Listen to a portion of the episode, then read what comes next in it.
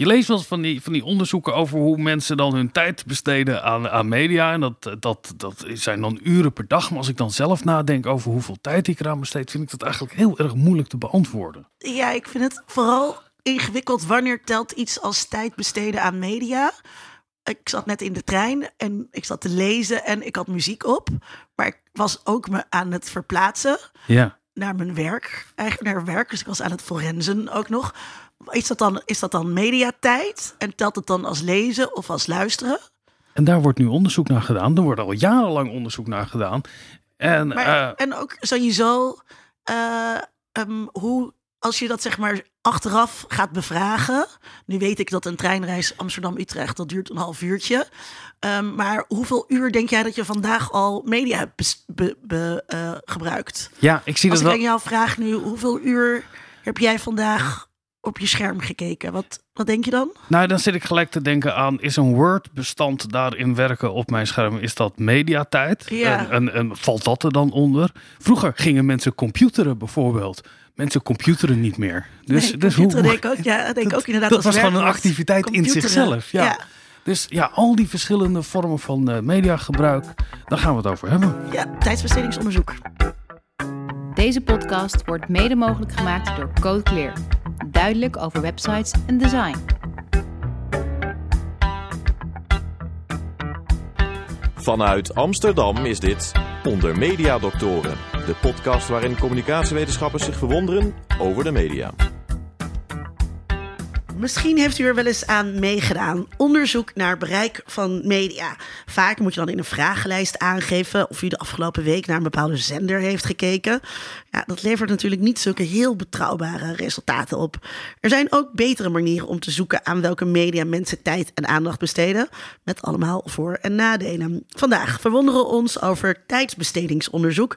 Dat doen we dat met dokter Sjoerd Pennekamp, directeur van Stichting Kijkonderzoek. En Sjoerd, je hebt een achtergrond als psycholoog. Hoe ben je in de tijdsbesteding verzeild geraakt? Ja, dat is een goede vraag. Ja, je moet je ergens je tijd aan besteden, laten we dat voorop stellen. Maar ik, eh, ik ben eh, gepromoveerd in de sociale psychologie. En eh, nou, toen ik Op een eenmaal. heel ander onderwerp, toch? Ja, ik ben ge- gepromoveerd op groepsgebaseerde emoties. Dus de emoties die je ervaart omdat je lid bent van bepaalde groepen.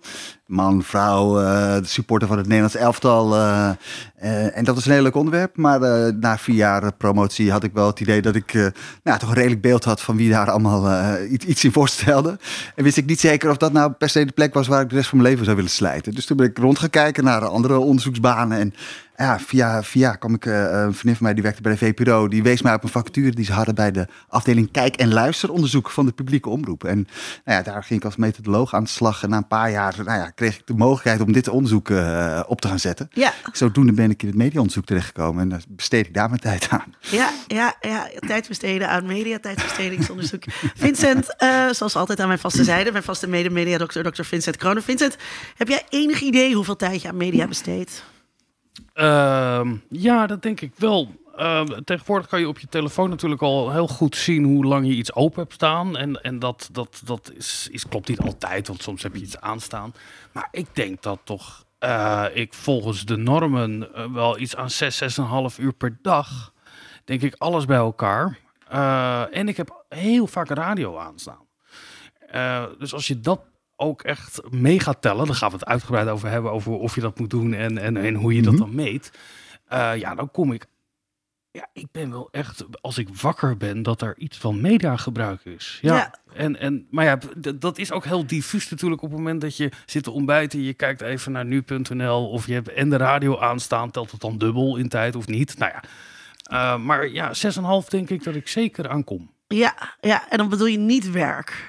Ehm, nou, dat, ja, dat, is, dat is ook een hele interessante vraag natuurlijk. Hè? Dat, dat, als ik werk, dan maak ik gebruik van media. En ik schrijf over media. En ik maak gebruik van media. En, en dus ja, dan krijg je een heel interessant Russisch poppetje... wat helemaal in elkaar gaat grijpen. Het wordt al heel snel ingewikkeld. Dat gaan we een beetje uitpluizen. Eh misschien eerst. eh, eh, Maar jij dan? Even, dan hebben we... Ja, ik zou zeggen, als ik niet slaap, dan eh, staat er altijd, dan is er altijd wel een vorm van eh, media. Dus zodra ik wakker word, pak ik mijn telefoon en eh, bekijk ik sociale media. Als ik op de fiets zit, luister ik naar podcast. Ja. Eh, als ik uitga, dan luister ik muziek. Ja. Dus er is een constante stroom. Dus ik, ik zou zeggen, ik slaap best lang. Wel zo'n negen uur, denk ik, per, per nacht. En de rest is er altijd wel enige vorm van media. Ja. Vele. Ja, maar ja, daar gaan we het over Nou hebben. ja, maar ja, ik vind. Maar ja, is dat. Nou ja, kijk, veel. ehm, voor iemand die met media werkt, is dat natuurlijk helemaal niet zoveel. Nee, maar het, het, het, het, het dicteert wel volledig het, het wakkere bestaan. Dat is Ja. voor mij ook zo. Ik zeg wel 6,5 uur, maar dat is dan waar ik op het moment dat ik media gebruik, er bewust van ben dat ik media gebruik. Ja, En niet als, als, als behang omheen is of... eh, het structureert ja, de dag. Was ja. het niet ooit zo met radio? Dat eh, eh, radio kloktijd bracht in. Ja, ik had je telefoon wat weggelegd. Misschien weer even op vliegtuig zetten.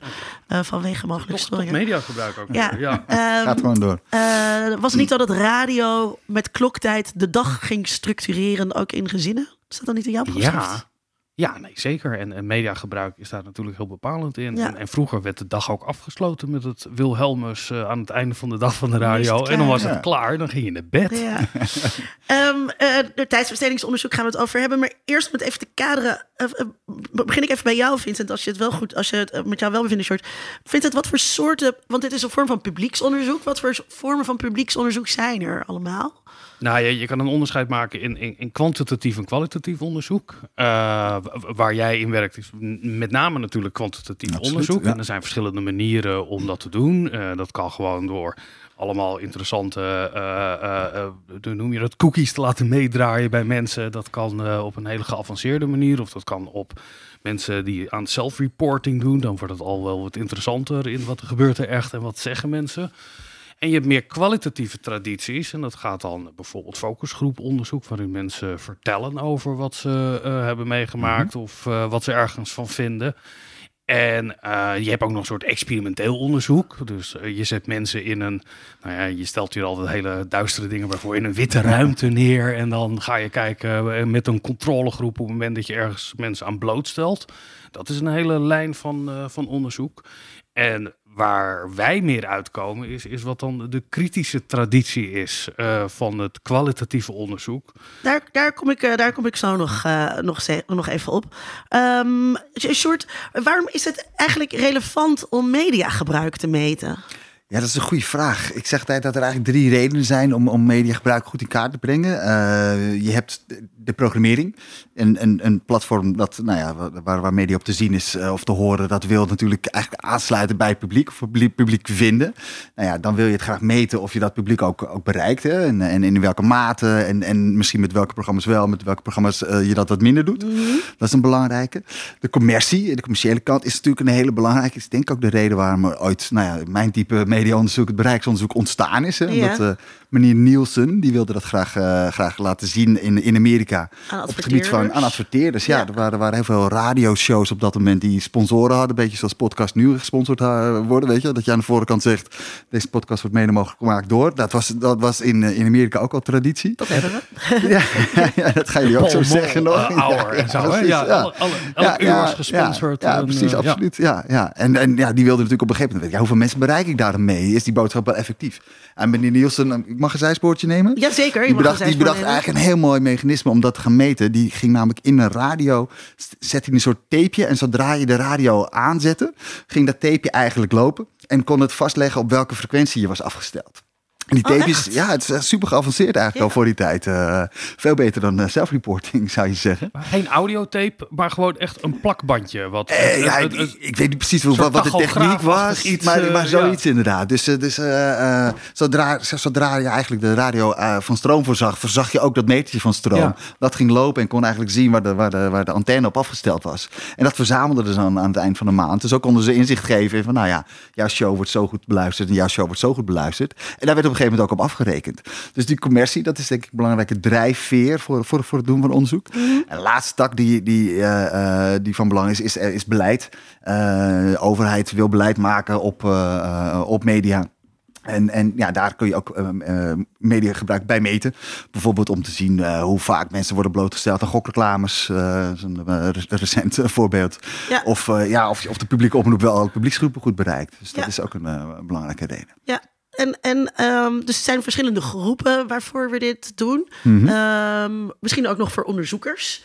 eh, Zeker, ja. ja. Die eh, iets willen zeggen over effecten bijvoorbeeld. Dan Ja. eh, moet je ook weten eh, wie aan wat is, eh, is blootgesteld. Precies, ja, wij beginnen wel bij bereik. Of wij beginnen, wij eindigen eigenlijk bij bereik. Dus dat, uit onderzoek haal je niet per se meer dan dat.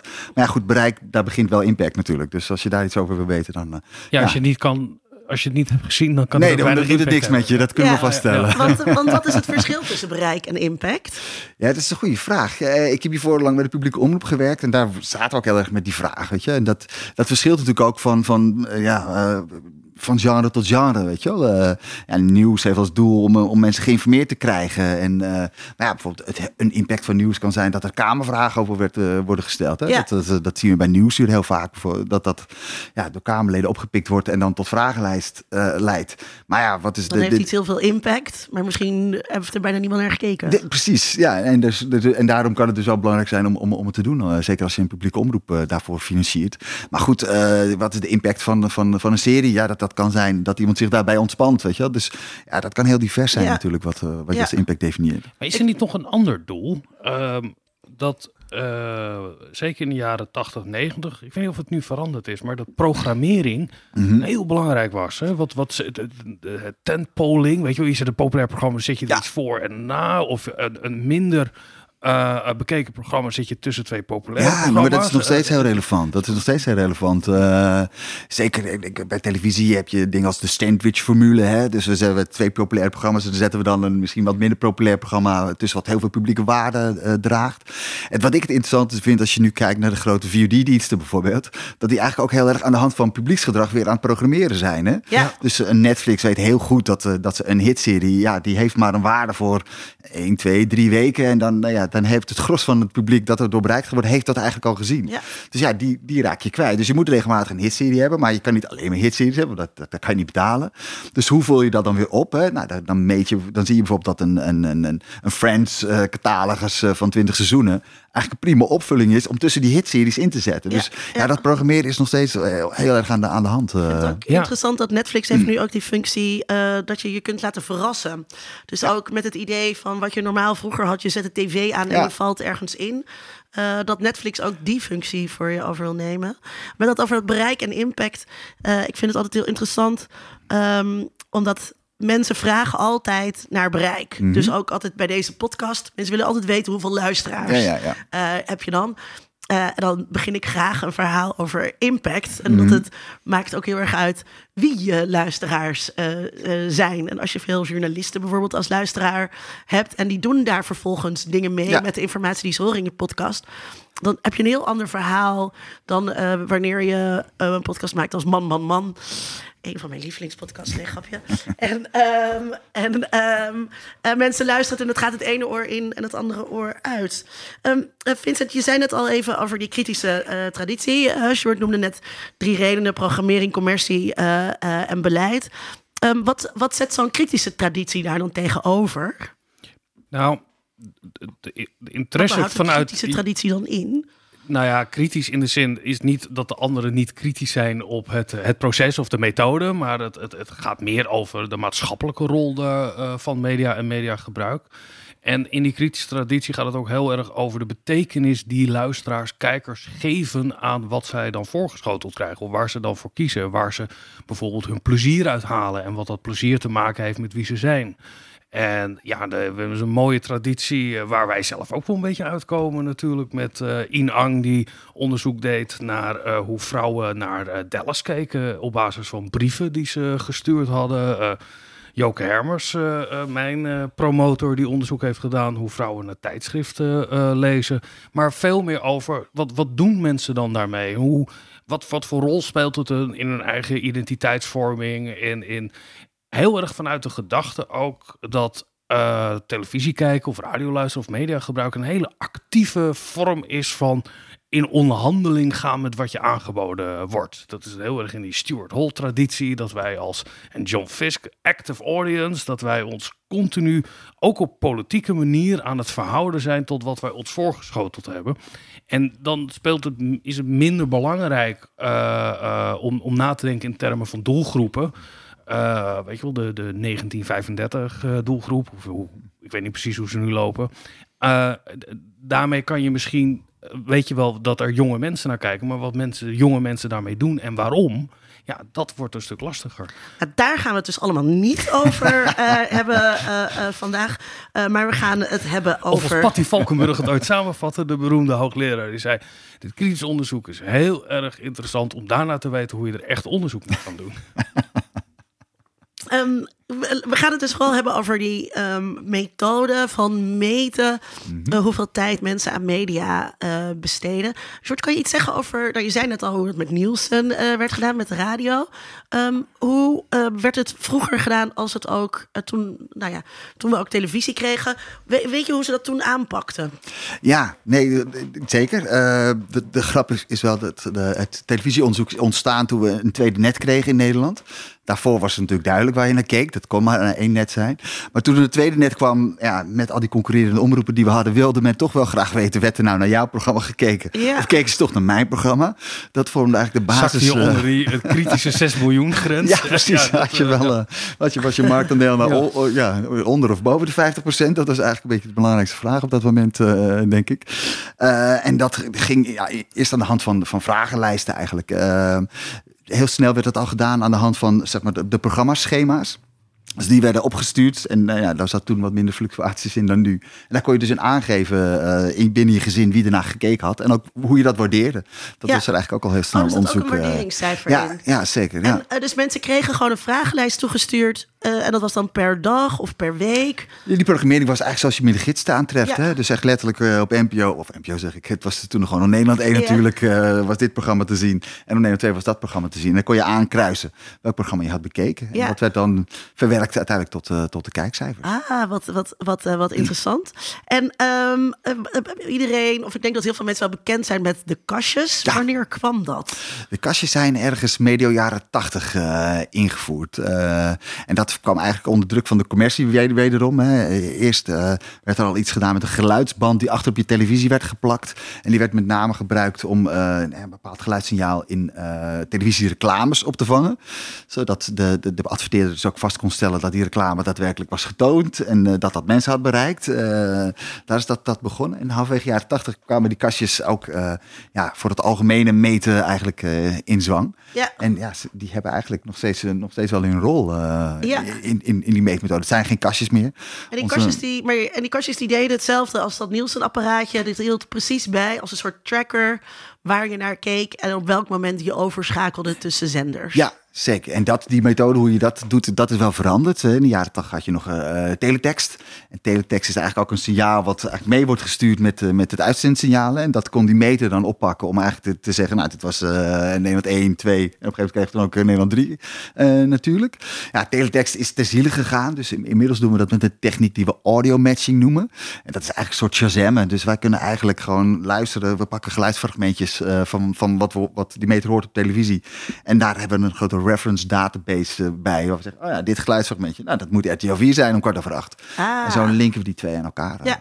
En, en hoe vaak wordt er dan een, een meetmomentje genomen? Is dat onder vijf seconden? Of, eh, Ja, dat, is, eh, de, de- de- we, zijn, we zitten toevallig midden in de transitie naar de, naar de nieuwe meter. Eh, maar, en de nieuwste meter die heeft zo'n drie seconden nodig om dat vast te stellen. Van, hey, Ja. dit is deze zender. En vanaf dat moment meet hij eigenlijk wel per seconde.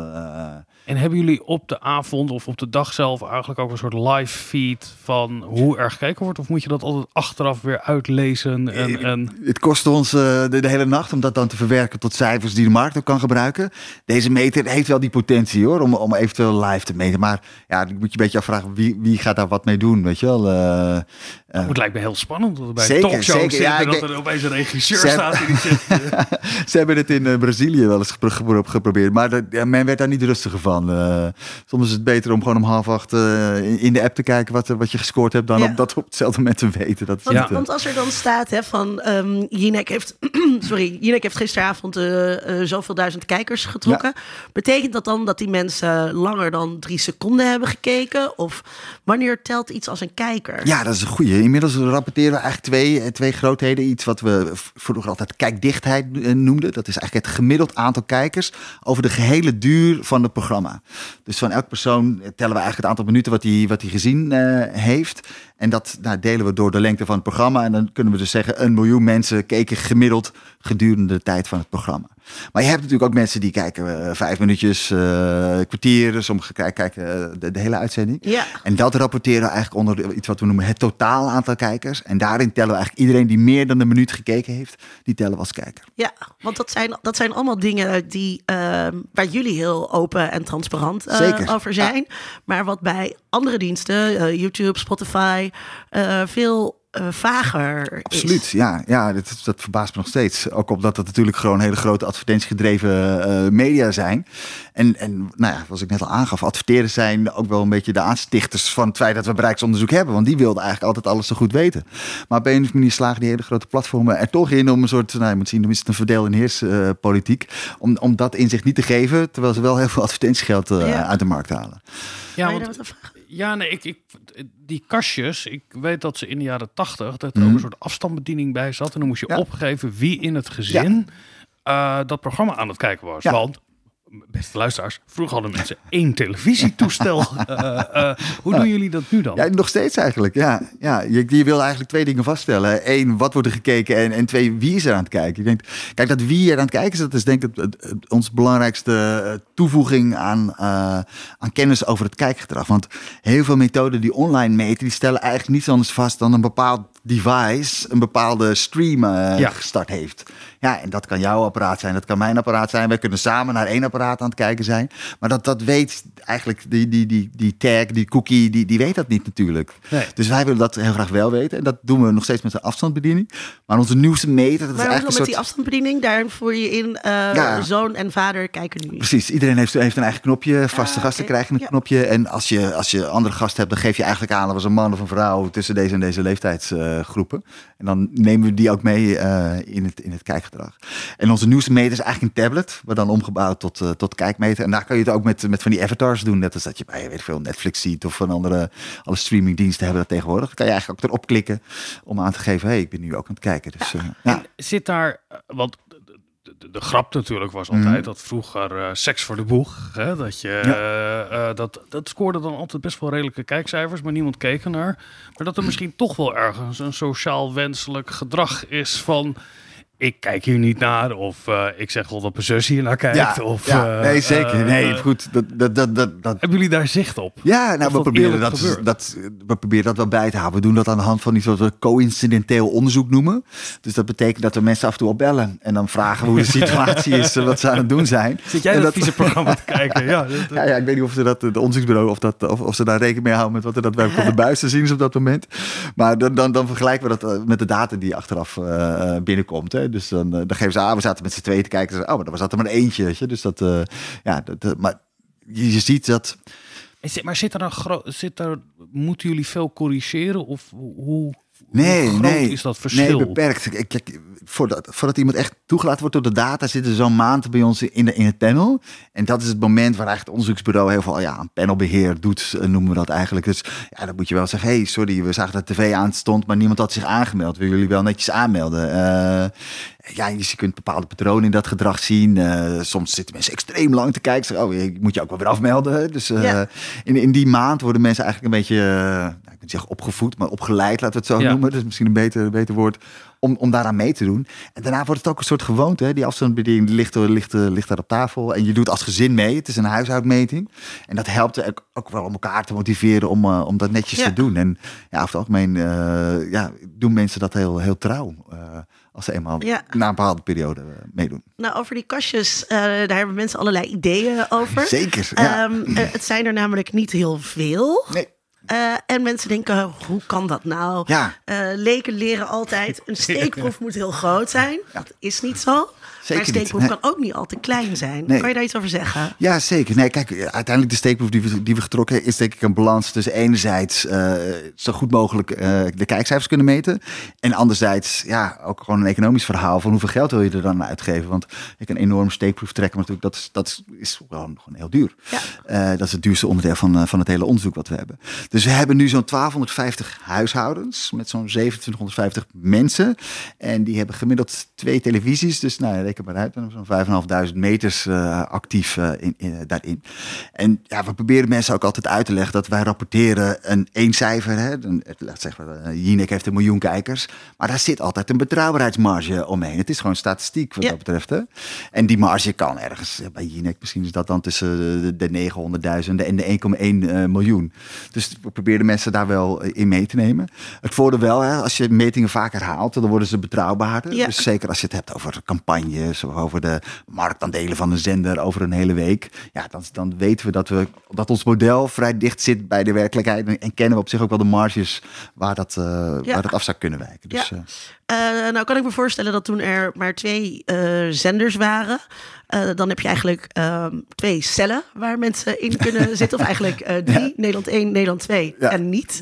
Eh, en eh, je moet in een Nou, de cel... grensgebieden nog wat, wat, wat verdwaalde Zeker, Duitse ja, zenders. ja, ja, ja, eh, Duits, Belgisch, Ja. dat eh, Eh, maar klopt. om ja. een beetje statistisch iets te kunnen zeggen, moet je geloof ik 30 eh, eenheden per cel eh, hebben. Oh, zo. Ja, dus maar dan zou je in principe af kunnen met zo'n 100 eh, kastjes. Ja, volgens mij heb je het nu meer over, over een experiment. Hè? Dus als je zeg maar een 2 bij 2 design doet, wat, ik, wat, wat, wat psychologen altijd heel graag Ja. doen, eh, dan heb je aan 30 mensen per cel redelijk, redelijk voldoende. Maar dat is vooral om je interne validiteit goed te krijgen. De externe validiteit, hè, hoe generaliseerbaar zijn mijn resultaten, daar heb je wel wat meer eh, waarnemingen Ja. voor nodig. Dus, eh, Ja, maar, maar- want waar ik naartoe eh, nu, wat Vincent ook al zei, het, het, wordt, het is natuurlijk steeds complexer geworden. Ja.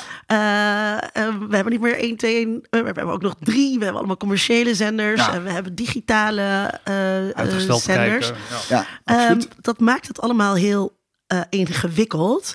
Ehm, we zijn nu, eh, of tenminste, jullie vorige onderzoek heette, heette Media dubbele punt tijd. ja. Ehm, wat voor onderzoek is dat? Ja, mediatijd is eigenlijk iets wat, eh, wat er eigenlijk een hele lange traditie kent. Eigenlijk is dat in de jaren zeventig al opgestart door de toenmalige NTS, was dat denk ik. Eh, nou goed, de voorloper van de NPO. Samen met eh partijen als het Sociaal en Cultureel Planbureau. En eh, ja, beide hadden eigenlijk een interesse van hoe delen mensen hun dag daarin in en welke rol speelt media daarbij. We hadden toen al wel dus een, een kijkonderzoek en er werd ook luisteronderzoek ge- gedaan aan de hand van, van, van een dagboekmethode.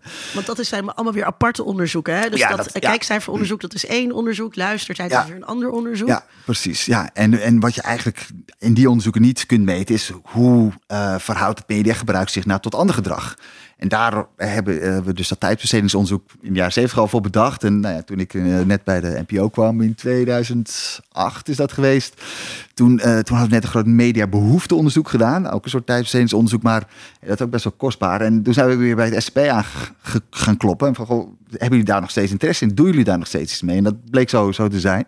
En toen zijn we dat weer opnieuw op gaan zetten. En het mooie van mediatijd is, het is een dagboekmethode. Het is misschien niet de beste methode om, om media mee te meten. Maar omdat we alle mediatypen daar op dezelfde wijze mee, eh, mee hebben gemeten, is die data veel beter vergelijkbaar dan ja, waar je mee zit als je nu een televisieonderzoek vergelijkt met een printonderzoek. Dat zijn gewoon echt, Ja. echt compleet andere, andere methoden. Ja. Dus dat wilden we bij elkaar brengen en dat ook in de context plaatsen van ja, wat doen mensen nou meer op een dag? Hè? Jullie begonnen eigenlijk al in in het begin. eh, soms is, is media je hoofdactiviteit en ben je gericht een serie aan, het- aan het volgen.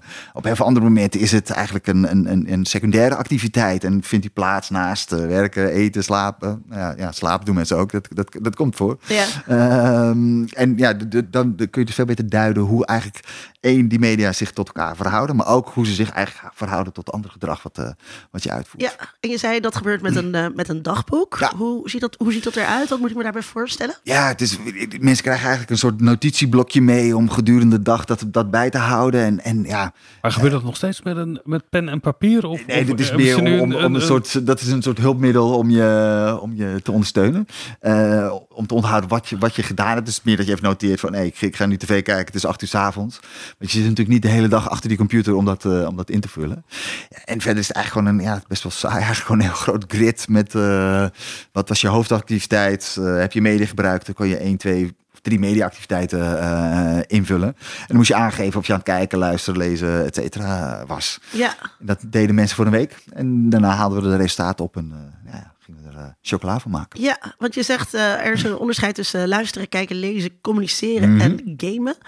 Maar kan je dat wel van elkaar scheiden? Als ik bijvoorbeeld ehm, Twitter aan het lezen ben, en ik ben daar ook aan het praten met andere mensen, Ja, ben ik dan aan het lezen of aan het communiceren? Ja, dat is een hele goede vraag. Met name die nieuwe media die zijn, eh zijn het lastigst in te delen. Ook omdat ze eh, vaak eh, kortdurend kunnen zijn. Hè? Dus je kunt even op TikTok zitten en dan er weer af. En onze, ons basisniveau was zeg maar een kwartier... waarvan je dan minimaal acht minuten een bepaalde activiteit had, had, had uit moeten voeren. Ja. Nou, dan kan je best wel veel, veel TikTok-filmpjes kijken... voordat je op die acht minuten Ja. bent, weet je wel. Eh, dus dat was eigenlijk denk ik, het meest complexe en wat eigenlijk misschien nooit goed helemaal, helemaal goed in die data eh, terecht hebben. Ja. eh, doen kijken. En ja, zeker ook nieuwe media zijn wat, wat diffuser in, in die zin dat je op Facebook inderdaad, je kunt een filmpje kijken, je kunt een berichtje sturen, je kunt een muziekje aanzetten. Dat is, dat is allemaal binnen één platform eh, mogelijk. Ja. Dus die scheidslijnen worden wat vager, maar grosso modo kunnen mensen denk ik wel beoordelen of ze iets aan het luisteren zijn, iets aan het kijken Ja. zijn, of dat ze Ja, aan maar het communiceren zijn. Ja, en het, het, is, het is dan een zel- zelfrapportage. Dus het- Ja. het gaat ook heel erg over de beleving van de respondent. Over wat je op dat moment aan het doen bent.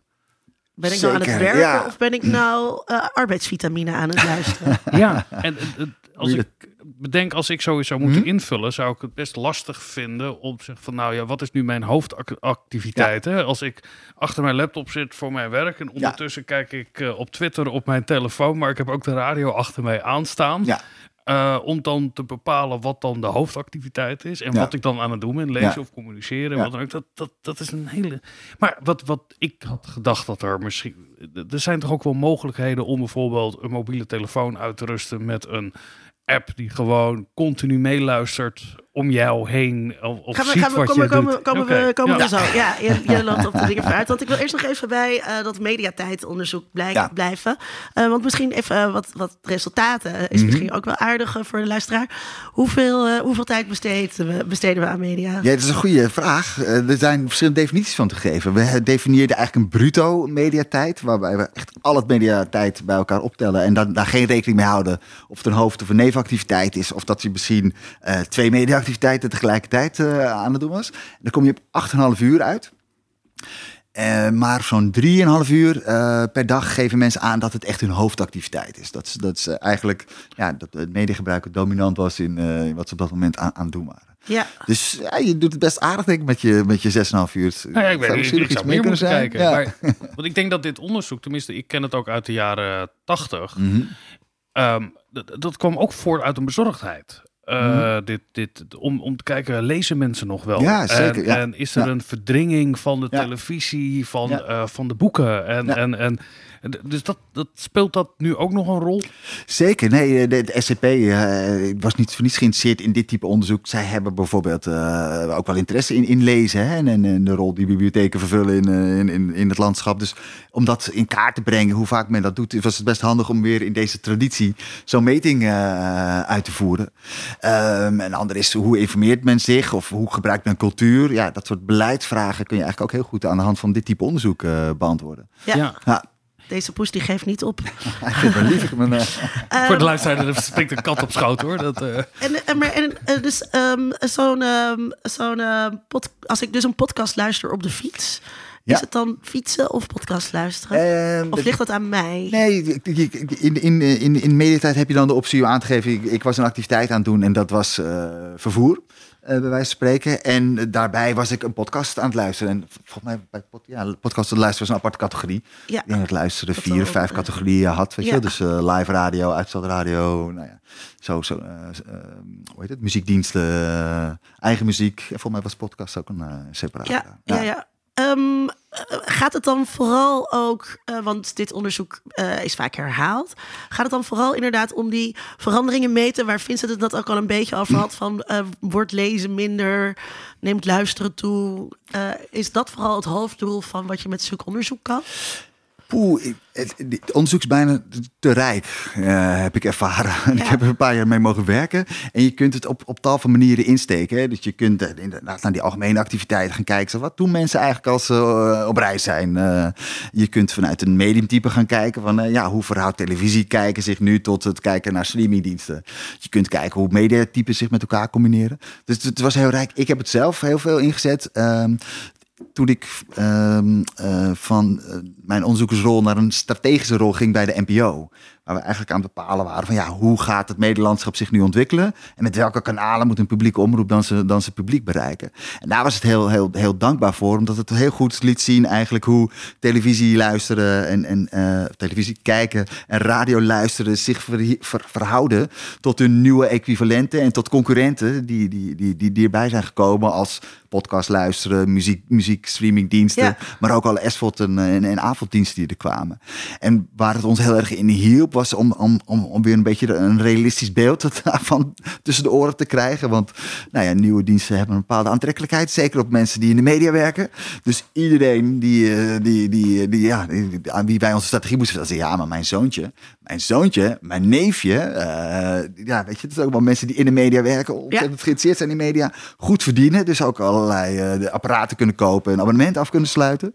Ja, die dachten dat, dat televisie uh, al lang alweer dood was. Ja. Dat is niet de eerste keer dat we dood werden verklaard, maar en, en, en wat het mooie aan mediatijd is, dat je dus dat in context kan laten zien van ja, jongeren gebruiken inderdaad veel meer streamingdiensten dan ouderen. Klopt.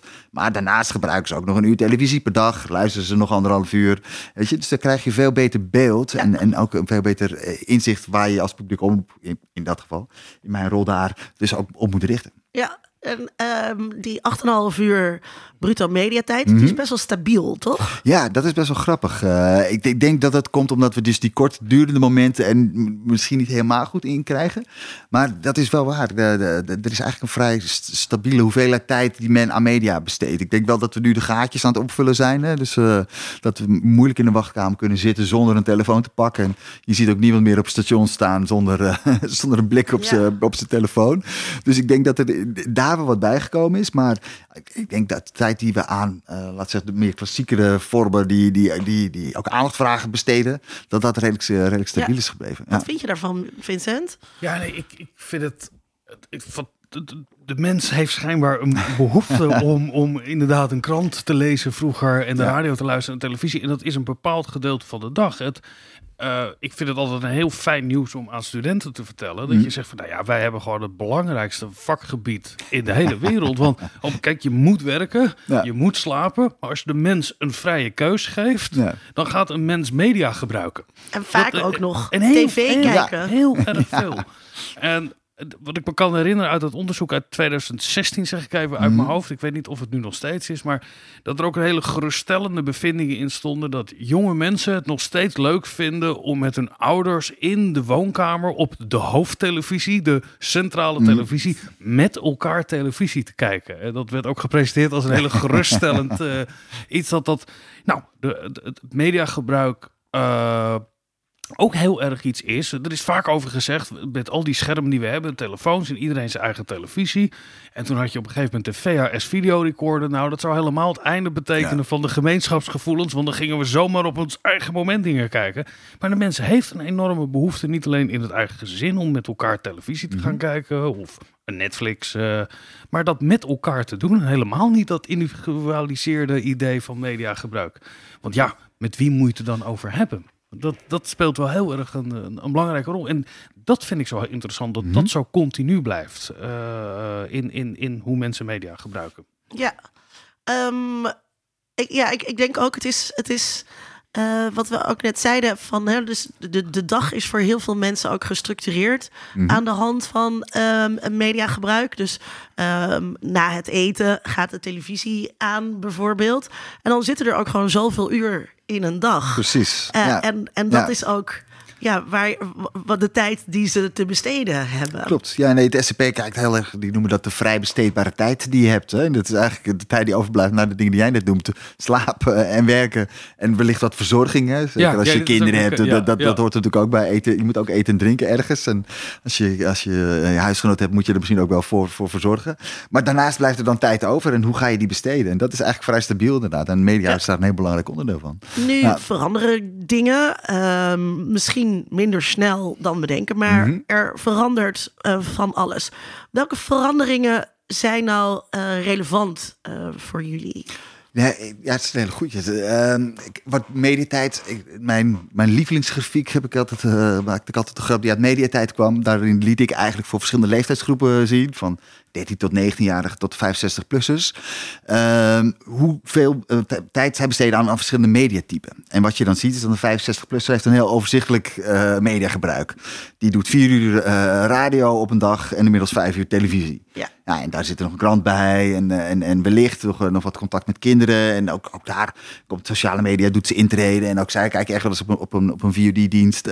maar dat is vrij overzichtelijk. Kijk je dan naar, naar jongeren, dan zie je dat de fragmentatie daar enorm is. Het is niet zo dat die niet meer live televisie kijken of nooit meer live radio luisteren. Maar dat is aangevuld en eigenlijk een soort versnipperd over heel veel verschillende vormen van, van mediagebruik. Dus ze zitten op, eh, op, sociale media, eh, ze kijken filmpjes op, eh, ja, TikTok is ook sociaal media, is ook een videomedium. Ze zijn echt berichten aan het sturen naar elkaar. Ze kijken naar VOD-diensten, soms korte filmpjes, soms hele series. Ze luisteren naar podcasts, ze doen, en, en dat, dat doen ze allemaal. Ja. En allemaal ook best wel een, redelijk deel van de tijd, weet je wel. Dus het is zo een half uur dit en een kwartier dat en dan weer drie kwartier dat en nog een uurtje dit. Ja. En dat is denk ik eh, een van de grootste veranderingen die, die we nu zien. Dat die, dat die diversiteit en die fragmentatie, dat die enorm toegenomen is. En meten jullie ook, ehm, meet, weten jullie ook hoeveel mensen naar Netflix kijken?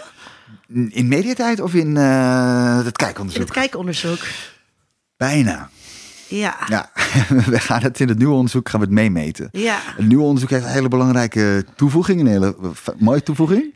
Die krijgt een, een, een routermeter. Dus aan het, eh nou, we komen die huishoudens in, dan zeggen we aan je televisies, dan eh, ja, plaatsen we een people meter. Dat is een mooi woord voor een kijkkastje. En in je, aan, je, aan je internetconnectie hangen we een routermeter.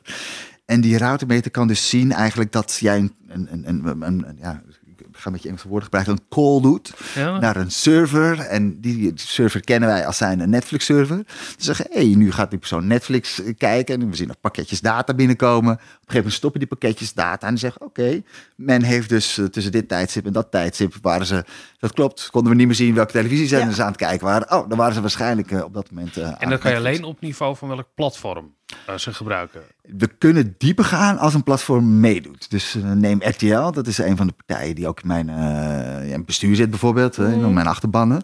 Eh, daar kunnen we, als zij dat willen, van Videoland ook een laag dieper gaan en zeggen, Ja. nou, je keek de Mokromafia of je keek de goede tijden, slechte tijden. Ehm, bij Netflix kun je dat niet zien. Er zijn ook weer methoden voor. In, in, in, in, in eh, de UK meten ze dat ook weer eigenlijk aan die geluidssignalen. Ja. Dus Ja. dan pakken ze eigenlijk gewoon een hele Netflix-catalogus. Dan nemen ze het geluid van op. Ja. En dan doe je het eigenlijk net zoals dat je een televisieprogramma meet. Maar een provider als eh, ik zit bij Ziggo, hè, Ja. dat, dat, Ziggo zou toch moeten kunnen zien wat er precies allemaal. Ja, er is een soort netneutraliteit. Hè? Je mag niet alle van alle ene en nullen weten waar het vandaan komt. maar- Netneutraliteit betekent dat je niet meer mag vragen eh, voor. Spotify bijvoorbeeld. Ja. Dat is netneutraliteit. Ja, dus die ene en nullen, die, die, die, die, die zie je gaan, maar je mag Nee, er het niet moet allemaal voor... even duur zijn Ja, in je internetabonnement. Weet Z- Ziggo of die providers, weten die meer dan jullie weten eigenlijk? Ik denk het niet. Eh, ze weten heel veel hoor. Maar er zijn denk ik verschillende beperkingen waar zij tegenaan lopen. Eén belangrijke is dat eh, zij heel graag willen dat je heel lang hetzelfde apparaat van hen afneemt. Dus dat er best wel veel oude setupboxes in omloop zijn die niet de, de, de nieuwe functionaliteiten eh, hebben. En, en tweede is dat zij niet, zoals wij weten, wie er nou daadwerkelijk aan het kijken zijn. Hè. Zij kunnen ook, ook niet anders zien dan dat ze een bepaald signaal naar een bepaald kastje aan, aan het sturen zijn, maar niet of jij zit te kijken of ik of, of wij samen. Ik heb net een nieuw kastje en daar zit de functie in dat je profielen kan aanmaken ja, voor elke nee, dat helpt huisgenoot. Ja, dat is, eh, dat En is toen wel dacht een eh, ik, interessante dat stap. is natuurlijk helemaal niet zomaar. Dat eh, is Ja, Dat alleen is dan maar ook niet dienstverlening. tegelijkertijd. Je kan dan niet zeggen, ik kijk nu samen met mijn vriendin. Nee, nee dat, precies. Nee, Daar ga je nee, dan weer. nee, ja, wel binnen mijn profiel kijken wij dan samen. Ja. eh, Ja. ehm, Maar dat is allemaal. eh, um, het maakt dus ook uit eh, of je ehm, eh, tv kijkt via de kabel of je tv kijkt eh, via zo'n set-up-box eh, Ja. van Ziggo. Of eh, ik eh, heb dat allemaal niet meer. Nee. Ik kijk alleen maar eh, tv via mijn smart tv Ja. en de apps die daarop zitten. Ja, voor onze meting maakt dat niet uit. Als wij geluid kunnen, kunnen oppikken, dan maakt het niet uit of dat een NLZ abonnementje is wa- wat je via je Chromecast naar je tv streamt. Ja. Of dat je het via een, een KPN mediabox aan het, aan het Ja. bekijken bent. Wij kunnen dat geluid gewoon horen. Dus jullie Dus kunnen nu ook al weten eigenlijk of mensen veel naar een bepaalde Netflix-serie kijken. Nee, ja, we zouden het in theorie kunnen weten. Als we dus al dat Netflix geluid ge- gaan opnemen, dan, Ah, dan zo. kunnen we het... en- Dan moet je eerst, het wordt eerst in jullie Precies. database, wil je het Ja. kunnen shazammen. Ja. Ja. Ik vraag het ook omdat. ehm, Voor een vriend. nee, nee, omdat Netflix eh, zelf wel eens eh, iets over kijkcijfers naar buiten brengt. Ja. Maar dat totaal, je kan helemaal niet zeggen of dat klopt of niet. Nee, klopt. Er nee. zit geen enkele controle op. Eh, nee, behalve dan dat zij natuurlijk aandeelhouders hebben eh, die ze niet verkeerd mogen informeren. En wat ze naar buiten brengen, dat doen ze vaak ook rond die, rond die quarterly earnings. Hè. Dus dan zeggen ze, we, we hebben nu zoveel bereik, Ja. we hebben zoveel... eh, en en dat, daar verschillen ze een beetje in, in wat ze dan als, als belangrijke eh, metric eh, gebruiken. Eh, het is wel interessant in de Britse markt. Daar is de, de Reed Hastings, de baas van Netflix, letterlijk naar mijn even knie gegaan. Van, goh, hebben eigenlijk misschien wel interesse om in, in, in die meting terecht te komen. Eh, omdat Netflix weet natuurlijk heel veel van wat er op Netflix gebeurt. Maar heeft geen flauw idee van wat jij nog meer op je scherm doet. Ja. En dat weten wij in het kijkonderzoek natuurlijk wel. En eh, daarom zijn ze ook begonnen in de UK met die Netflix-meting. En nu zitten we op het punt, eh, ik hoop niet dat mijn Britse collega dit erg vindt, dat ik strategische informatielek hier in de Nederlandse podcast. Ik weet niet of hij luistert, maar nu zitten ze op het punt dat... bereik is klein, maar de impact ja, precies, daar ben ik ook bang voor. dat, ehm, dat Netflix niet wil betalen voor die data. Dus ze zitten goed in meting, maar nu, nu zit, er een soort onderhandeling van ja, eigenlijk vinden we het te duur. Maar zij rapporteren dit dus wel aan alle, alle andere Britse broadcasters die, eh, die, die wel al meedoen en, eh, en ook subscribers zijn, zoals ze dat noemen van, van het onderzoek. Dus ja, Channel 4, de BBC, die kunnen wel al zien eh, wat het Britse publiek op Netflix allemaal uitspookt. Ja. Alleen Netflix, ja, die weet het ook, maar die weet niet eh, wat, ze- wat ze daarnaast doen. En, Ja. eh, Maar zou met die, jullie zijn een stichting. Ja. Ehm, ik kan mij voorstellen dat al die verschillende partijen als RTL, Netflix Mhm. en, en de NPO, Ja. eh, eh, Talpa, eh, belang zouden hebben als zij allemaal hun eigen kennis en data zouden delen Mhm. met elkaar. En dat, en, maar dan, wanneer bereik je dan de grens dat het wel heel erg Big Brother wordt? Dat het, eh want ik snap dat het voor die partijen interessant is. Mhm. Ehm, maar is het eigenlijk wel een goed idee? Dat is een goede vraag. Ja, kijk, eh, wij werken met panels. Hè? En, en, en panels hebben als grote voordeel dat je mensen werft. En, en echt gewoon heel expliciet een, een taak voorlegt Ja. en uitlegt. Veel heel anders dan, dan een cookie wall. Waar je denkt, oh, ik wil eigenlijk toch wel heel snel naar de content. Ik klik hem even weg. En vervolgens worden er allerlei gegevens voor jou verzameld. Ja, maar dat, dat geldt dus alleen voor de mensen die hè, duidelijk consent eh, hebben Ja. gegeven om dat te doen. Ehm, maar ik kan mij voorstellen dat, dat RTL bijvoorbeeld Mhm. eh, met hun eh, XL en wat dan ook, ook Mhm. eh, en Netflix hebben natuurlijk ook gewoon data van hun gebruikers die niet Ja. die consent, nou waarschijnlijk Ja, in de algemene Ja, voorwaarden heb je Ja, al lang gezegd, dat is goed. Zouden jullie daar gebruik van maken op het moment dat dat soort dingen gedeeld worden? We maken er eigenlijk al gebruik van. Eh, met name om eigenlijk de andere schermen dan de televisie goed, goed in kaart te, kunnen brengen. Want een panelonderzoek is, is eh, heel leuk. Eh, zeker voor televisie is dat heel goed bruikbaar. Maar voor een online meting is het ja, snel te klein. Omdat er de fragmentatie eigenlijk ook zo toegenomen is. Dus ja, een, een gemiddelde televisieuitzending trekt nog wel een tientallen duizenden kijkers. Maar een stream van een programma in, in de catalogus van de NPO start ergens. Ja, dat hoeft niet per se heel veel kijkers op te leveren. Dus dan werken we samen eigenlijk met NPO, RTL, Talpa. En dan geven zij ons wat we noemen census data. Dus data die letterlijk uit hun eigen digital analytics komt. En eh, die combineren we eigenlijk dan met een, een online panel. Bijvoorbeeld die mensen die die, die Focometer hebben. Daarvan weten we wie het zijn. En, en die, die informatie combineren we om eigenlijk tot ook een profiel te komen van die online kijker. Ja, Ik weet nog dat ik een keer, eh, volgens mij was het Buitenhof of Paul en Witteman of zo. Mhm. En dat eh, Paul Witteman tegen Ja. het aanwezig publiek in de studio je zei, ja. daar was je bij. Ga maar Eh, die zei, eh, ah ja, eh om die moment kijken er ook nog vijf mensen of zo. en dat was toen al lang eh, niet, meer, niet meer zo. Nee. Maar die, die deed daar heel schamper, schamper over. maar dat zie je dat, dat in jouw dat, rol? dat niet zo belangrijk was. die, dat die zendermanager... Want ja, ik Mhm. kan mij voorstellen, toen, eh, toen vroeger internet werd geïntroduceerd Ja. op de krantenredacties, Ja. hebben gezegd, hè, we maken een krant. Ja, En dan hebben we nog wat jonge meisjes en eh, jongens die daar in de hoek online zetten. Zie je dat verschuiven, de interesse ook vanuit de... Want jij zit met zendermanagers, eh omroep, eh, eh, voorzitters, eh, Mhm. Ja. nou, de ja. Die enorme... Alle, alle, bobo's, eh, alle bobo's. Ja. Ja. Komen er andersoortige vragen ook? Ehm, ja, ja, zeker. Ja, zeker. Ja, kijk, en het, het, vooral nu de kunst om dat allemaal in kaart te kunnen brengen. Om er dus ja, eigenlijk in één oogopslag iets over te kunnen zeggen. Het, wij hebben een eerste poging gedaan om, om online goed in meting te krijgen. Die is nou, niet geslaagd. Dat was denk ik niet, niet de juiste manier om dat eh, eh, te doen. Dat had met, met name te maken met eh, hoe er commercieel afgerekend werd op die data. Op televisie wordt de GRP verkocht. dat is eigenlijk daar verkoop je bereik. Terwijl online gaat het veel meer om impressies. Hè. Dus het gaat het eigenlijk om, nou ja, laat zeggen hoeveel individuele mensen je hebt kunnen, kunnen bereiken. En wij, wij wilden een GP-model op, tele- op de online wereld plakken. Dat, dat werkte niet. We gaan het nu nog een keer doen. En nu is wel ook echt de ambitie om dus al de verschillende typen kijken ook in één onderzoek in kaart te brengen. Zodat Ja. we dus alle broadcaster content, of dat nou een televisiezender is, een on-demand dienst een, of een livestream, dat dat allemaal gemeten wordt. Dat die, die VOD-platforms allemaal in meting komen. hè. Dus eh, of het nou een SVOD of een AVOD of een TVOD-platform is, dat willen we meten. En dan nog de video-sharing sites, zoals de YouTubes en de, de TikToks. En, eh, en dat willen we eigenlijk in Er één zou opslag... één kijkcijfer uit moeten rollen. Eh, Weet je, zoals de top 40 gaat nu toch ook zo? Dat ze... De, de, de, de muziek top 40 Ja. wordt gekeken wat gebeurt er op Spotify, maar ook wat wordt uh, radio plays Ja. worden, spelen een rol. Eh, nou, Ja, die combineert dat, maar het is niet. Er komt in ieder geval een, een, een, een totaal aantal minuten uit. wat wij aan kijken hebben kunnen identificeren. Dus een soort totale kijktijd kunnen we daarop op baseren. En dan is de vraag: ja, hoe ga je daar dan naar kijken? Ga je een marktaandeel definiëren op, op al die tijd? Of wil je marktaandelen toch definiëren binnen, laten we zeggen, alle televisiegerelateerde content, hè, zoals we dat nu en nu eigenlijk doen? Het is meer dat wij mensen die mogelijkheid willen geven om eigenlijk al die vragen wel, wel, wel te kunnen beantwoorden. Ja. En ik denk zelf dat we wel naar een soort verschuiving gaan waarin Netflix eigenlijk niet heel veel anders is dan een televisiezender met een bepaald aandeel in de kijktijd. Ja. En dat, is, ja, misschien is het 5%, misschien is het 10%, dat, dat kan ik je eh, over een half jaar vertellen. Eh, maar ja, ik denk dat, dat, dat, dat wat ik eerder vertelde, die, die VOD-diensten heel erg eigenlijk op, op, op televisiezenders lijken. In, in de zin dat je ze moet programmeren Ja. en dat je vecht voor de aandacht van, van, van het publiek. Naast, naast wat die televisiezenders ook doen. Ja. En die televisiezenders zijn natuurlijk wel wakker geworden.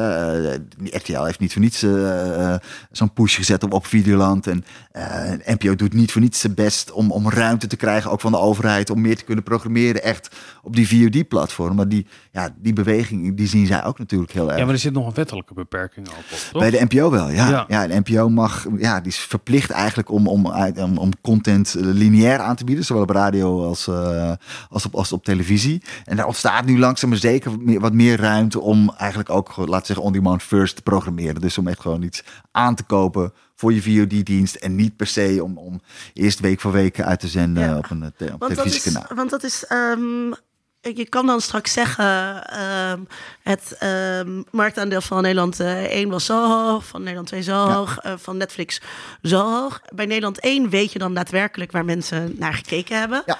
Wat, er, wat, eh, wat, wat zeg maar het ge- gesprek van de dag morgen bij de koffieautomaat is.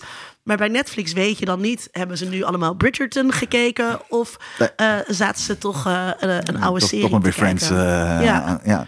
En dat maakt dus ook wel dat het, dat het dus lastig is. Dus de- ik, ik, ik maak me erg zorgen om fragmentatie. Mhm. om verschillende leefwerelden die naast elkaar een soort van bestaan. Mhm.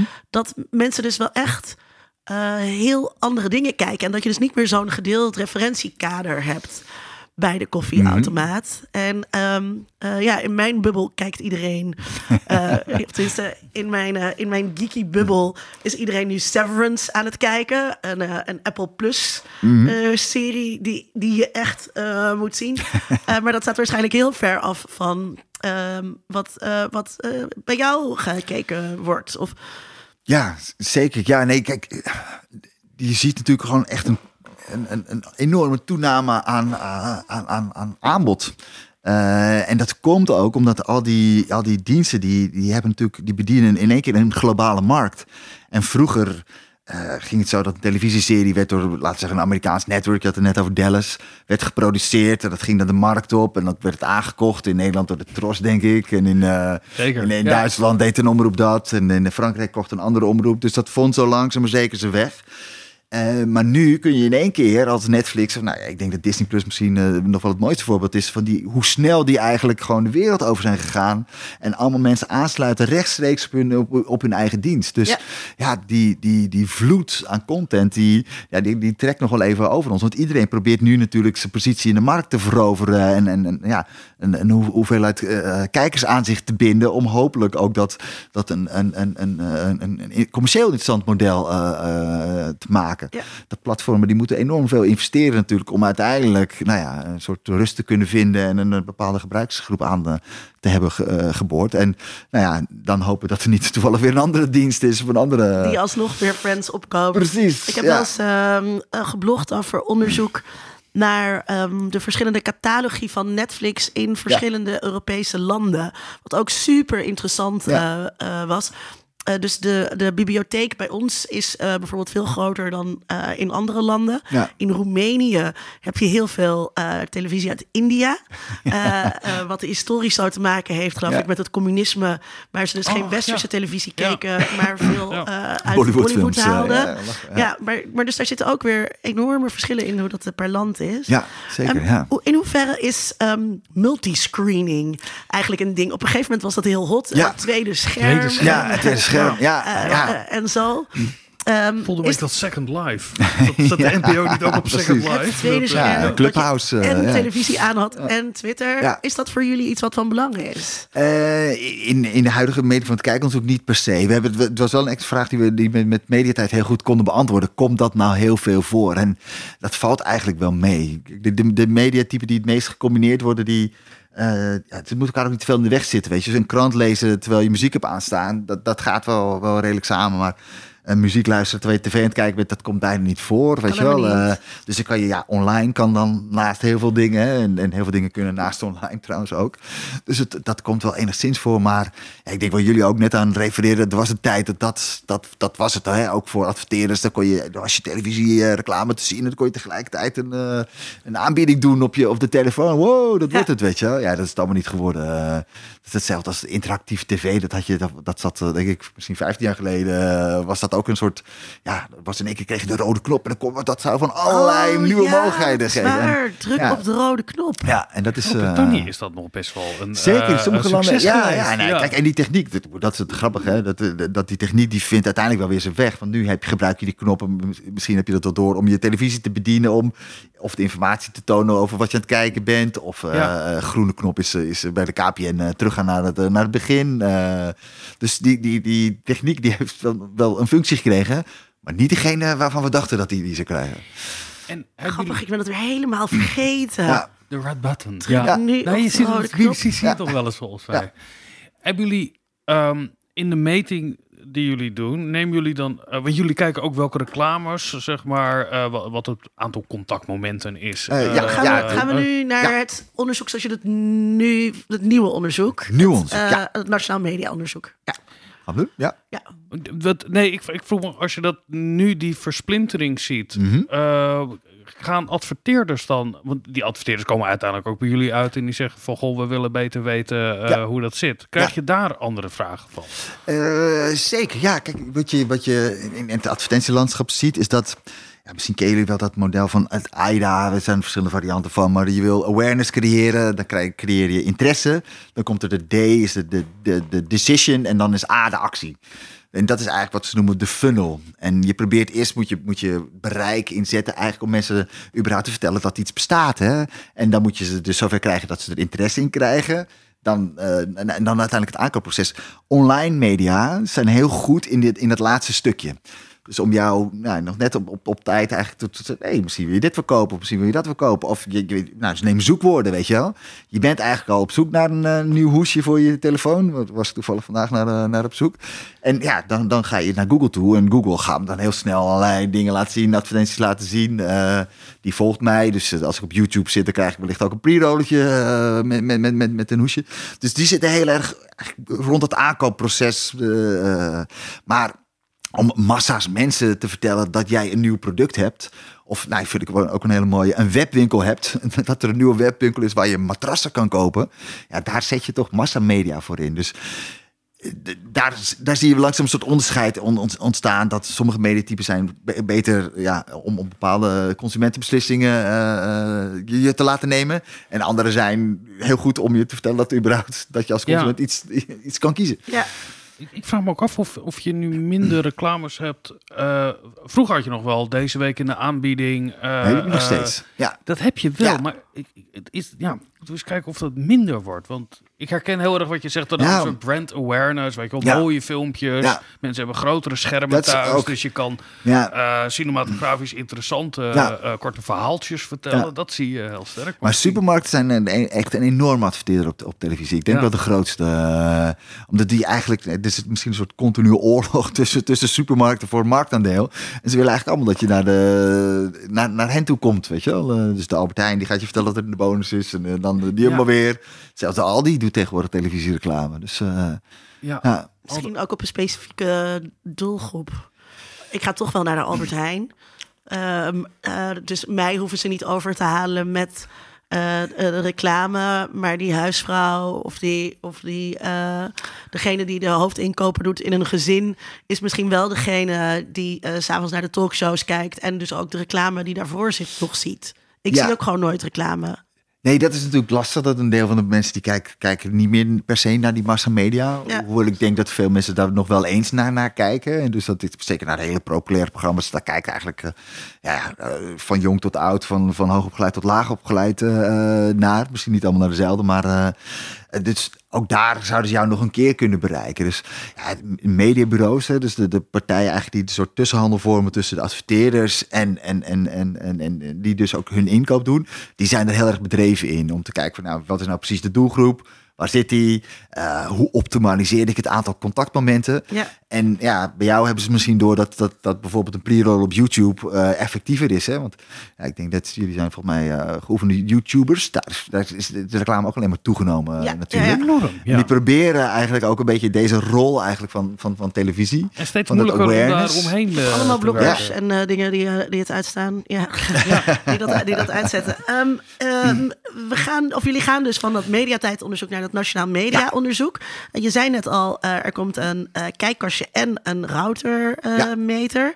Ja. en dus ook nog iets waar mensen aangeven wie er nu kijkt. Ja, die afstand die, die, blijft, die blijft eigenlijk bij, de, bij, de, bij de, dat, onze kijkmeter liggen. Je kan er ook zelf op klikken. Maar het mooie aan het Nationaal Mediaonderzoek is dat... Um, we gaan dit samen doen, niet alleen met het kijkonderzoek, maar ook het luisteronderzoek, ook het leesonderzoek en ook het online onderzoek zelf. Dat zijn eigenlijk vier organisaties die tot, op, uh, tot voor heden eigenlijk gescheiden onderzoeken hadden. En dat gaan we nou samenvoegen. Ook omdat we zien dat meetmethoden die voor het ene inzetten, uh, ook heel goed voor het andere ingezet uh, kunnen worden. En het belangrijkste daarvan is die online meter. Want alle mediatypen hebben online doorvertalingen. Een krant uh, lees je digitaal uh, of je leest de, de ja. app van de krant. Uh, radio, daar luister je podcast online. nou, televisie hebben we het uitgebreid over gehad. En er zijn ook nog andere dingen die je, die je kunt doen online en die willen ook graag gemeten worden. Ja. En dat kun je dus in één keer meten met, met, met, die, met die routermeter, wat ik zei. Een andere nieuwe toevoeging is, je had het net over, heb je er niet een app die gewoon de hele dag een beetje, beetje meeluistert om te vertellen wat je, wat je dan aan media hebt gebruikt?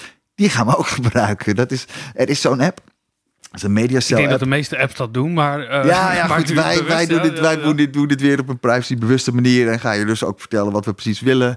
En we nemen ook niet echt het geluid op. Hè. We nemen eigenlijk soort sampletjes en die worden eigenlijk op je telefoon al omgezet in een, eh, in een ja, signaal wat voor ons niks meer, niks, niks meer zegt. Maar wat als je het tegen die database aanhoudt, weer kan zeggen: hé, hey, dat was 3FM. Of dat was NPO 3, weet je. Dus dan, eh, dan kunnen we dat ook eh, eh, gebruiken. En dat gaan we delen met, eh, met, met het luisteronderzoek. En omdat we eigenlijk al die verschillende medietypen op, op, op dezelfde basis eigenlijk gaan meten, hopen we daar ook weer mee de inzichten te kunnen geven die we ook uit mediatijd haalden. Namelijk, ja, hoe verhouden die media zich dan tot Ja. elkaar? En ja, voor een adverteerder is dan het ideaal om toch te, te kunnen zien van, oké, mijn televisiecampagne deed zoveel eh, bereik, mijn radiocampagne deed zoveel bereik, online heb ik zoveel mensen bereikt. De overlap daartussen was eh, dit en dat. Nou ja, dat is weer het commerciële doel, maar ook voor de programmering kun je je Ja. voorstellen dat, ja, er zijn, kijk naar de allergrootste mediabedrijven, dat zijn allemaal crossmediale bedrijven eh, tegenwoordig in Nederland. Dus die willen natuurlijk ook kijken, hoe bereik ik nou het beste jongeren en kan ik dat beter doen op de website of toch... eh, Ja, kan je dan... Sorry. Ja, maar weet je dan ook iets over het consumptiegedrag van deze mensen? Dat lijkt mij fascinerend.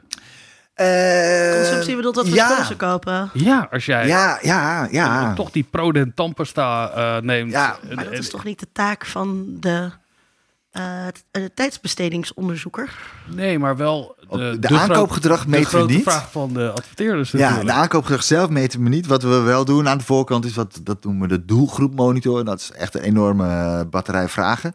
Eh, over van alles.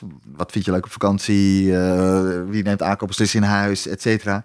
En dat ja, koppelen we eigenlijk door middel van datafusie dan aan die panels. Dus en die mensen in de panels die hebben natuurlijk al een hele behoorlijke taak. En die moeten ook al een hele achtergrondvragenlijst invullen. Maar ja, we kunnen die data eigenlijk weer verrijken met data die iets zegt over eh, ja, waar mensen interesse in hebben. eh, ook op het gebied van eh, consumentenzaak. Ja. Ik wou eigenlijk vragen, ehm, eh, toen je zei hè, over, dit, over eh, dat nieuwe Nationaal Mediaonderzoek, Mhm. eh, dat gaat, op, gaat dus op een andere manier dingen meten. Mhm. Kan je dan nog wel vergelijkingen door de tijd heen maken? Kan je dan nog wel goed zeggen in vergelijking met vijf jaar geleden? Op sommige eh, plekken wel. Hè. Wij houden eigenlijk nog steeds zo'n zo'n kijkmeter als basis van het onderzoek. En dat verrijken we dus met die routermeter. En we verrijken dat met die, met die metingen die we doen om de players van, van de verschillende eh, omroepen. Ehm, dus die vergelijking kunnen wij wel maken. Maar radio gaat over van, van een dagboekmethode naar een, een methode die geheel met een app eh, eh, het, het radioluistergedrag meet. Ja, dat is, dat is gewoon niet vergelijkbaar met elkaar. Dus Ja. daar zitten gewoon echt verschillen tussen. Ja, die verschillen zijn ook hartstikke interessant. Super interessant. Ja, nee, absoluut. Wat er dan gebeurt. Ja. En, en Ja, ook, zeker als je die gemengde eh, eh, data eigenlijk nu krijgt. ja.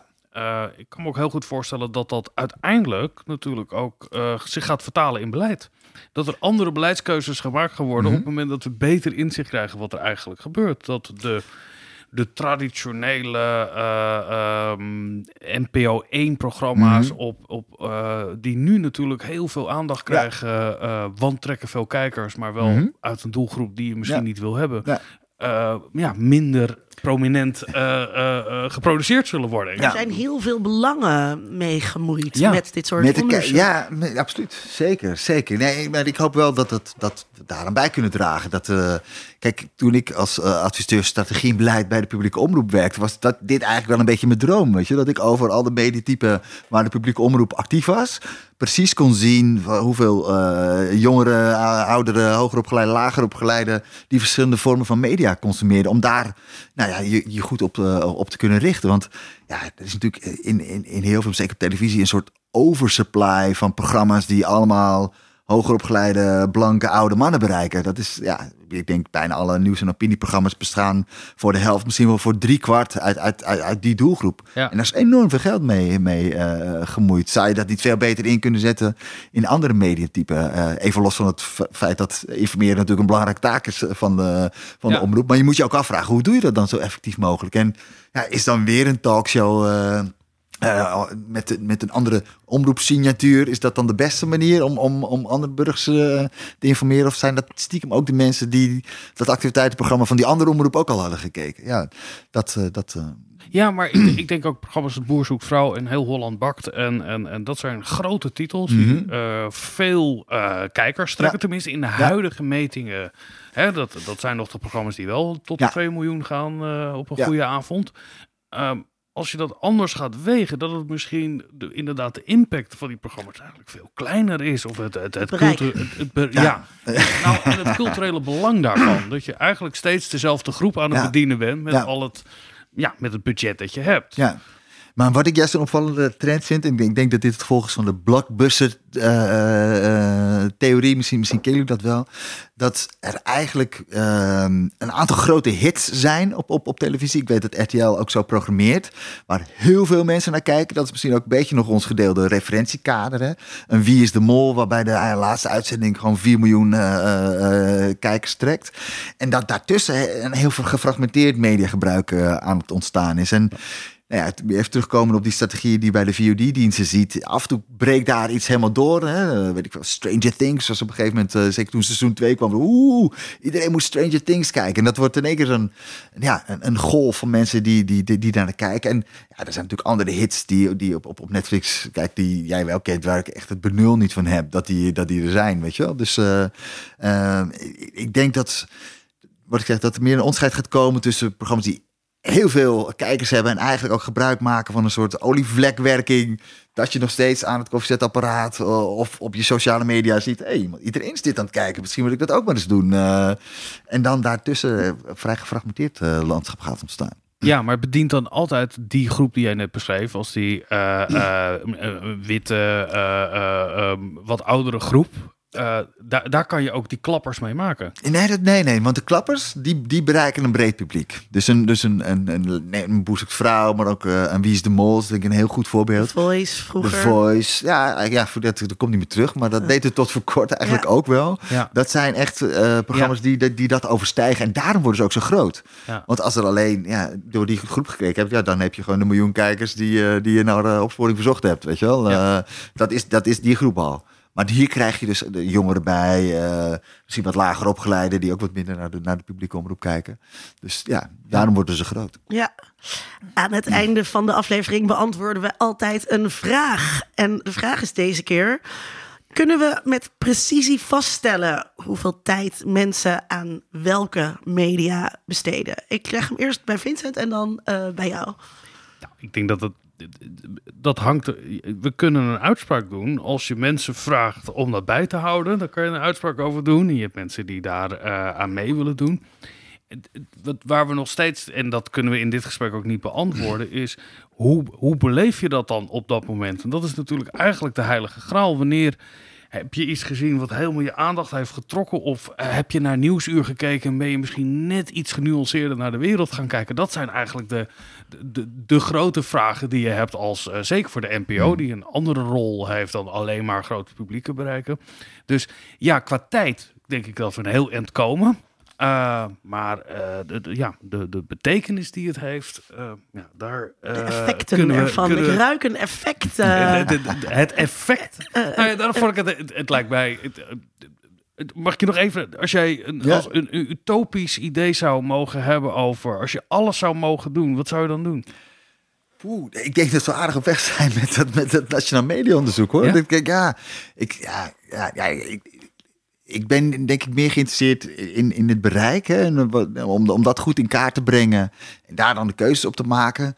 Omdat het effect van media eigenlijk gewoon heel veel verschillende dingen kan betekenen. En, en, en dat, dat, dat, ja, dat veel meer afhankelijk is van het effect wat je eigenlijk wil bereiken.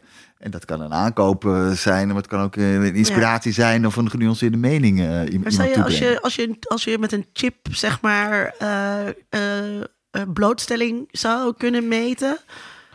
Niet per se, nee. Kijk, wat ik, wat ik leuk vond aan, aan, aan mediatijd en, en, en waar ik, waarom het misschien nog een keer zou moeten doen, is omdat je daar eh, in zo'n onderzoek ook nog lagen op kan leggen. Dus dat hebben we bij de publieke omroep ook gaan een mediabehoefteonderzoek. En daar hoef je niet iedereen voor te chippen. Dan moet je gewoon één keer in de zoveel tijd en, eh, en, en mensen vragen om aan een panel deel te nemen. En dan kijken of je van de meest geavanceerde onderzoeksmethode kan, kan eh, eh, gebruik kan maken die niet een, een lichaam inhoeven. en dan, dan kun je dat denk ik best goed in kaart brengen. En dat kun je dan daarna misschien wel weer gebruiken.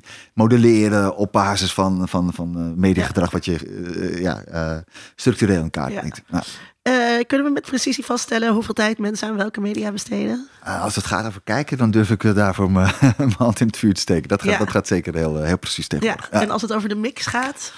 Eh, dat is, zit wat diversiteit in. Ja, kijk, een, een, een printpublicatie wordt nog steeds gemeten aan de hand van een vragenlijst. eh, ja, dat, heeft eh, andere beperking dan de beperking die, we, die je hebt met de panelonderzoek. Dus ik denk dat we het grosso modo vrij goed weten. Ja, Ja. Ja.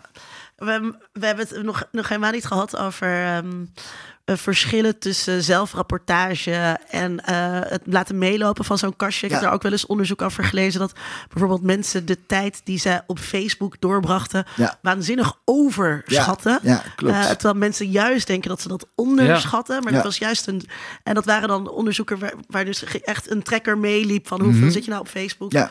Ehm, en eh, dus ik vind dat ook heel, heel erg interessant. Dat Ja. verschil in perceptie en hoe het daadwerkelijk zit. Absoluut, absoluut. En ik vertelde net over hoe dat in, in Hilversum ging. Als ik daar naar omroepdirecteuren ging, die, ja, die zaten dus ook allemaal helemaal in dat nieuwe eh, media. Hè? En dat was eigenlijk het allerinteressantste. Dus ja, daar ontstaat denk ik als vanzelfsprekend, je wil het zo graag, dan onze overschatting bij. eh, ja, en dat, dat drukt dan misschien die, laten we zeggen, klassieke media eh, een beetje naar de achtergrond. Terwijl Ja. we daar eigenlijk, ja... we, wij kunnen dat zeggen, ik denk dat we allemaal zo rond de 40 zijn, zeg ik. eh. Eh, midden Dankjewel. 40. Ja, ja, Ja, ja. midden 40 Ja. jaar, rond de 40 jaar. Nee, goed. Wij hebben daar allemaal nog wel onze, onze basis in. Ik ben heel benieuwd hoe dat, eh, hoe dat over 20 jaar zal zijn. eh, met generaties die nu eh, opgroeien, waar ja, die in één keer worden blootgesteld aan al die mogelijkheden. En, en, en daar Ja, hun eigen weg in, eh, in kunnen Die- vinden. Er wordt dan verwezen naar die groep 13, 19 en die kijken Ja. dan niet meer lineaire televisie. En als die dan straks allemaal volwassen zijn en dat is de Ja. bevolking, dan kijken we niet meer. Ja. Terwijl ik, mijn mediagebruik heel erg veranderd is. Mhm. Eh, ik, ik, ik heb net een dochter gekregen. Je, je Ja. hebt ook, eh, ja, dan zit ik opeens natuurlijk naar dingen te kijken die voorbij komen die ik anders echt nooit zou opzetten. Nee, dus Zoals Juf. Roos. Juf Roos is nu, eh, het is, ja, het is fascinerende. Maar het interessante is dat Wat is Juf Roos? Juf Roos is een, eh, een juf en die zingt liedjes. het is, het is, ja, je zou, er- het is, het is wat, eh, nou, Maar waarom Eh, is dat dan zo? Waarom, waarom is dat dan zo anders? Want dat, dat zet je toch ook gewoon op YouTube aan? Ja, maar dat kan je dus. eh, eh, dat, dat staat ook op een of andere platform en je kan het op YouTube kijken. Maar mijn media, het wordt ook mijn media Mhm. gebruikt natuurlijk. Niet dat ik met veel interesse zit te kijken over welk liedje ze nu gaat zingen. Uh, maar in je verschillende levensfases of de, de verschillende keuzes die je maakt in je leven, Mhm. verandert je mediagebruik. Dus ik vond het argument: jonge mensen kijken nu geen lineaire televisie, die doen dat straks niet. Ja. Ik denk dat dat helemaal niet waar is. Ja, Uh, dat is, dat is een vraag die in Hilversum ook vaak langskomt. En die ik zelf ook eh, eigenlijk een super interessant eh, vind. Het, je vraagt eigenlijk om een soort cohortanalyse. Hè? Je wil eigen groep mediagebruikers volgen o- over hun leeftijd. En ik denk wat je wel heel duidelijk ziet is dat de... ehm, de, de, de behoefte aan, aan, aan genres en content verandert. Hè? Dus ik denk als je 16 bent en je woont bij je ouders, je gaat naar school, dan heb je niet per se superveel interesse in economie. Terwijl als je later een baan hebt, een huis wil kopen en ja, dan wordt dat in één keer een heel relevant, eh, kan dat een heel relevant onderwerp van je worden. Dus, dus dat bedoel ik met dat juf, juf Roos. Ehm, dat kijk je dus nog steeds op YouTube. Daar, daar, Ja. Dat verandert niet. Daarvoor neem je niet in één keer weer lineaire televisie. En dat was een argument wat sommige omroepdirecteuren aanvoerden. Van ja, maar die gaan straks wel weer kijken. Want Ja. dan gaan ze. Ja. En dat moet je denken van elkaar scheiden. Want als jij, je hebt zelf op aangeleerd dat je nieuws gewoon in een app online eh, gebruikt. Waarom zou je dan nog het 8 uur signaal per se gaan kijken? Dat Ja, is, die, heb je, ik snap je punt nu. Dat het nog steeds niet non-lineaire eh, televisie Ja, is waar je ja. aan het kijken bent. Dus, ja. dus wat Sjoerd zei, eh, dus het soort content of genres verschilt wel in je leven. ja. Ehm, maar je gaat niet weer terug naar lineaire televisie. Nee. nee. Je ziet bij kranten, hè, bij kranten hebben natuurlijk eh, als eerste denk ik de, de, de, het grootste klappen gehad van de opkomst van, eh, van het internet. En daar zijn heel veel eh, lezers mee verloren. Ja. Maar die hebben nu een hele succesvolle strategie om eigenlijk gewoon een, een apps aan te bieden of een combinatie, zaterdag een krant en een app. Ja. Maar ja, Eigenlijk heel goed met kranten. Ja. En dat, dat is eigenlijk wel weer, eh, wel, wel weer eh, een, een succesvol verdienmodel geworden. Dus ik denk ook niet dat media elkaar uiteindelijk gaan vervangen. eh, maar dat ze elkaar aanvullen. En dat sommige functies die een krant vroeger hadden, zoals de classifieds, de advertentietjes. Ja. Ja, daar is Google vele malen beter in. Dat gaan ze niet meer terugvinden. Ja. Maar het feit dat het op zaterdagochtend lekker is om met een kopje koffie toch even eh, de week eh, door te nemen in een krant. Ja, dat, dat is niet weggegaan. En Er zijn het maar weinig media die verdwenen zijn. Ik kan alleen het telegram bedenken. Ja. Nee, het was McLuhan, toch, die dat zei? Er is nog nooit een medium verdwenen. En, Ja. en- maar je zou kunnen zeggen dat de Telegram natuurlijk nog steeds bestaat. In de zin van dat je op een snelle manier... Dus je, de, de, de intentie of de, de, de medium-specifieke eigenschappen, zoals McLuhan zo noemen, van de Telegram bestaat er nog steeds. Ja. En ik geloof dat er nog vrij lang een Telegram-service ook ergens is geweest in Nederland. Is dat nog steeds Ja. Telegram? Is dat, eh, Ja, ja, dat, Dit was on, eh, aflevering 158 van de podcast Onder Mediadoktoren. De redactie bestaat uit Vincent Kronen en mijzelf, Linda Duits. Kijk op ondermediadoktoren.nl voor ons archief en vind daarin bijvoorbeeld... eh, aflevering 50 over filterbubbels. Aflevering 75 over het einde van televisie. Wat dus nooit is gekomen. Aflevering 86 lezersonderzoek. Aflevering 134 data, digitalisering en datafi- dataficatie. Of aflevering 141 statistiekgeletterdheid. In podcastland gebeurt er ook van alles over betaalmuren, uitgeverijen die zeker, overgenomen ja. worden. Van alles. vrienden die hier eh, Maar deze als een stel Russen binnenvallen. Precies, maar deze podcast is en zal altijd onafhankelijk blijven.